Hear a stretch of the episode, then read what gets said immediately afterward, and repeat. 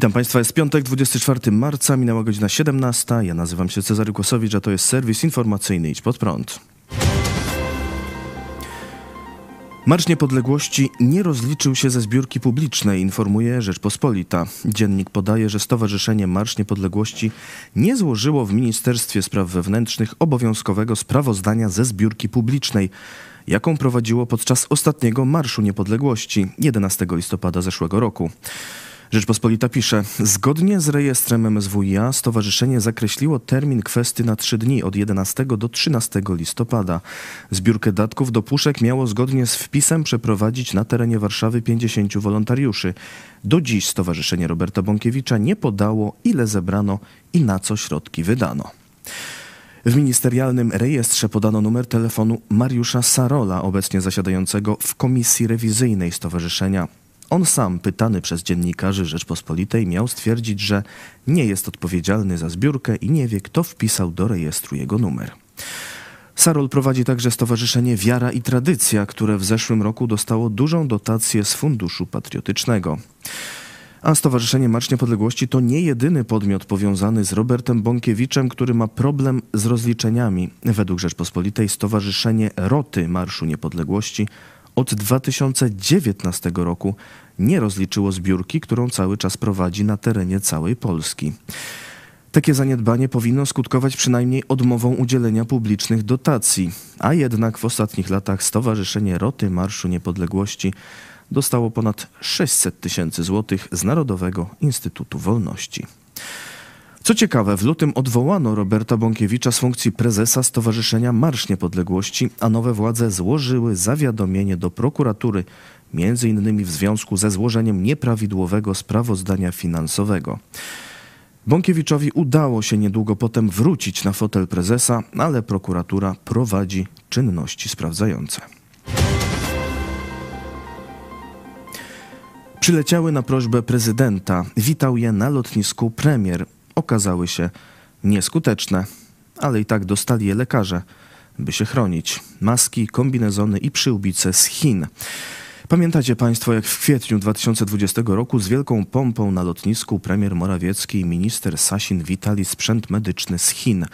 Wcześniej prezydent Andrzej Duda prosił o nie osobiście komunistycznego przywódcę Chin Xi Jinpinga ich sił. Ja się zobowiązałem, że skontaktuję się dosłownie w najbliższym czasie z panem prezydentem Chin, z panem przewodniczącym Xi Jinpingiem, którego znam osobiście i, i, którego po prostu poproszę o to, aby Chiny, które są największym na świecie producentem tego rodzaju środków ochrony bezpośredniej, personalnej, żeby oni udostępnili nam więcej tego typu, y, tego typu y, wyposażenia, bo jestem przekonany, że, że, że jest to możliwe. Zwrócę się o to do, do pana prezydenta osobiście. Mam nadzieję, że ta prośba zostanie wysłuchana.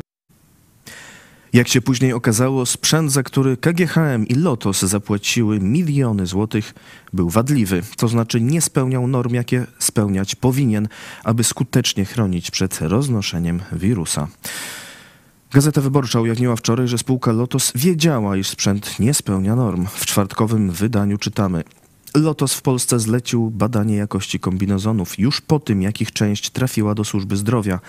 Centralny Instytut Ochrony Pracy, Państwowy Instytut Badawczy stwierdził 28 maja, że sprzęt nie spełnia norm, a Lotos został o tym niezwłocznie poinformowany. Czy spowodowało to wycofanie kombinezonów ze szpitali i zatrzymanie dalszej dystrybucji? Po przejęciu przez Orlen gdańska grupa Lotos już nie istnieje. Witryna internetowa Lotosu odsyła do biura prasowego Orlenu i tam wysłaliśmy nasze pytania. Nie dostaliśmy odpowiedzi. Potem zlecono kolejne ekspertyzy. 31 lipca 2020 roku zarząd Lotosu zawiadomił Kraft Import o wadzie kombinezonów Medical Disposable Protective Suit wyprodukowanych przez firmę Dandong Devote Garment a polegającej na niespełnieniu normy PNN 14126-2005. Chodzi w niej o szczelność i odporność na przenikanie np. wirusów. Lotos wezwał do wymiany kombinezonów, ale domagał się odebrania z rządowych magazynów tylko trochę ponad 20 tysięcy kombinezonów. Co stało się z resztą, czyli blisko 80 tysiącami sztuk? Prawnicy koncernu nie ukrywali, że znakomita część została już rozdysponowana. Podobne sytuacje dotyczyły towaru od innych firm. Część dostaw zostało nawet zakwestionowanych przez kancelarię premiera. Krzysztof Klatka z Trójmiejskiego Oddziału Wyborczej pisze Zapytaliśmy też kancelarię premiera o zakupy zlecone spółkom przez szefa rządu. Ile łącznie kosztowały, ile środków ochronnych nie spełniało norm, kiedy okazało się, że są wadliwe, ile sprzętu niespełniającego norm trafiło do placówek służby zdrowia, jakie działania zostały podjęte przez kancelarię, gdy okazało się, że nie spełniają norm, co się stało z wadliwym sprzętem. A oto odpowiedź kancelarii premiera. Dokumenty, o które pan prosi, obejmują m.in. postanowienia, które dotyczą nieograniczonego w czasie zachowania w tajemnicy wszelkich informacji związanych z wykonywaniem tych umów.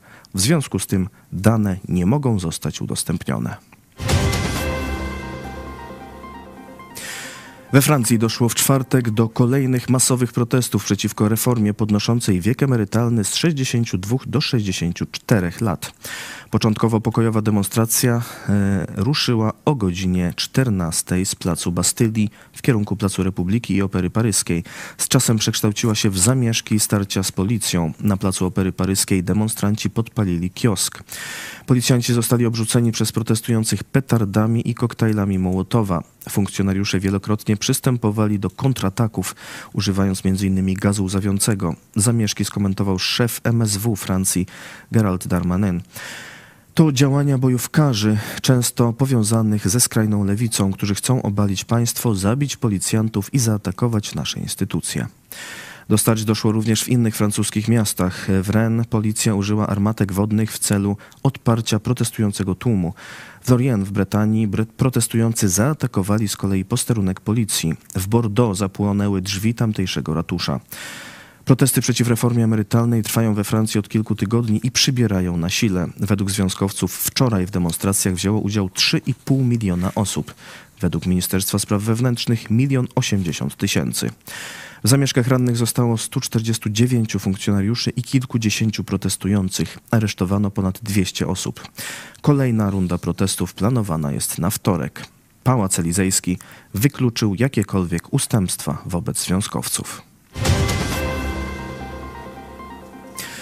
Czy Kościół katolicki włączy do swojej mszy pogańskie obrzędy Majów, rdzennych mieszkańców Ameryki Środkowej?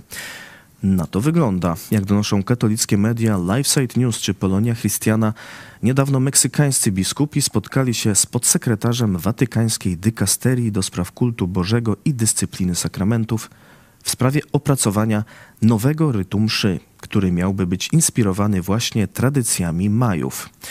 Według LifeSite News w lutym meksykańscy biskupi mieli o tym rozmawiać w Rzymie z samym papieżem Franciszkiem.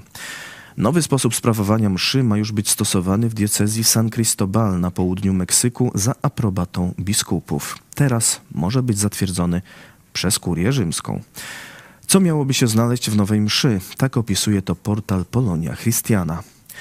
W rycie majskim ma być przewidziane między innymi okadzanie ołtarza przez kobiety, co jest związane z praktykami majskich szamanek używających w swoich rytuałach kadzideł.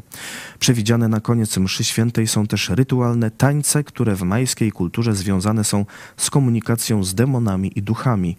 W rycie pojawiają się też odniesienia do Matki Ziemi jako bogini. Ciekawe. A równolegle opracowywany jest inny nowy rytm mszy – amazoński.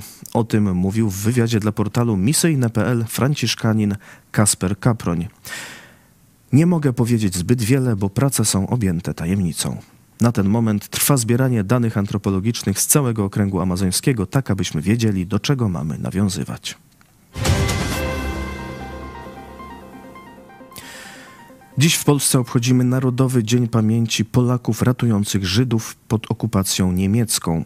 Święto zostało ustanowione w 2018 roku. 24 marca to rocznica niemieckiej zbrodni w Markowej. Tego dnia w 1944 roku niemieccy żandarmi zamordowali Józefa i Wiktorię Ulmów oraz szóstkę ich dzieci za to, że ukrywali dwie żydowskie rodziny. Niemcy zabili też ośmioro ukrywanych Żydów. Dziś w Markowej odbyły się uroczystości z udziałem prezydenta Andrzeja Dudy. A my zachęcamy Państwa do zapoznania się z historią innej polskiej rodziny, z spod lubelskich Piask, która za pomoc Żydom w czasie niemieckiej okupacji została odznaczona przez Izraelski Instytut Yad Vashem. Tę historię odpowiada, opowiada film telewizji pod prąd Sprawiedliwi wśród narodów. Historia rodziny Jaroszów. Główną bohaterką filmu jest Marianna Jarosz-Krasnodębska z podlubelskich Piask. Przed wojną było to miejsce, gdzie Polacy i Żydzi żyli zgodnie i spokojnie. Po wybuchu II wojny światowej Niemcy zgotowali jednak piekło piaseckim Żydom. W tym strasznym czasie Polacy narażali życie, by ratować swoich żydowskich sąsiadów.